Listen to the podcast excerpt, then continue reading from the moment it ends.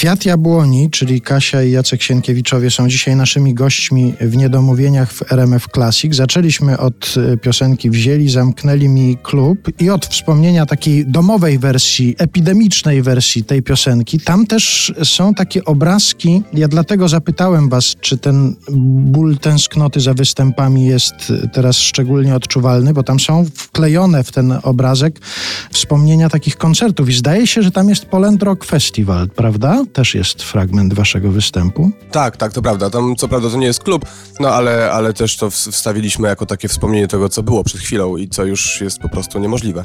Ale wspomnienie tego koncertu to jest coś szczególnego w waszym dotychczasowym życiu. To było przeżycie jedno z tych największych.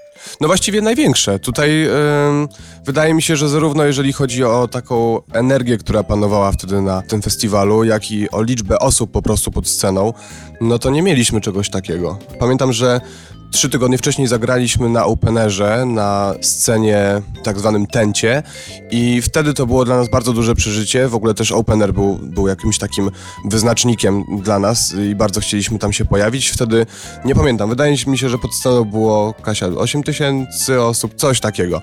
I dla nas to już było bardzo, bardzo dużo, natomiast pod małą sceną na naszym koncercie na Poland Rock Festival, e, z tego co wiem, było około 70 tysięcy osób, więc dla nas to było kompletnie niewyobrażalne. Znaczy, te liczby już, już nam absolutnie nic nie mówiły. I to jest przeżycie, które myślę nam zostanie bardzo mocno w naszych głowach do końca życia. Tak, no to było przeżycie wyjątkowe, ale też nie tylko ze względu na ilość osób, tylko po prostu ze względu na atmosferę tam panującą. To jest festiwal, na który można jechać nawet y, nie lubiąc żadnego z zespołów, który tam gra, ponieważ sama atmosfera, to ile jest wywiadów, ile warsztatów, y, jak ludzie się zachowują, to wszystko sprawia, że ten festiwal jest przeżyciem zupełnie niecodziennym i myślę, że warto na niego jechać po prostu, żeby, żeby pobyć z ludźmi.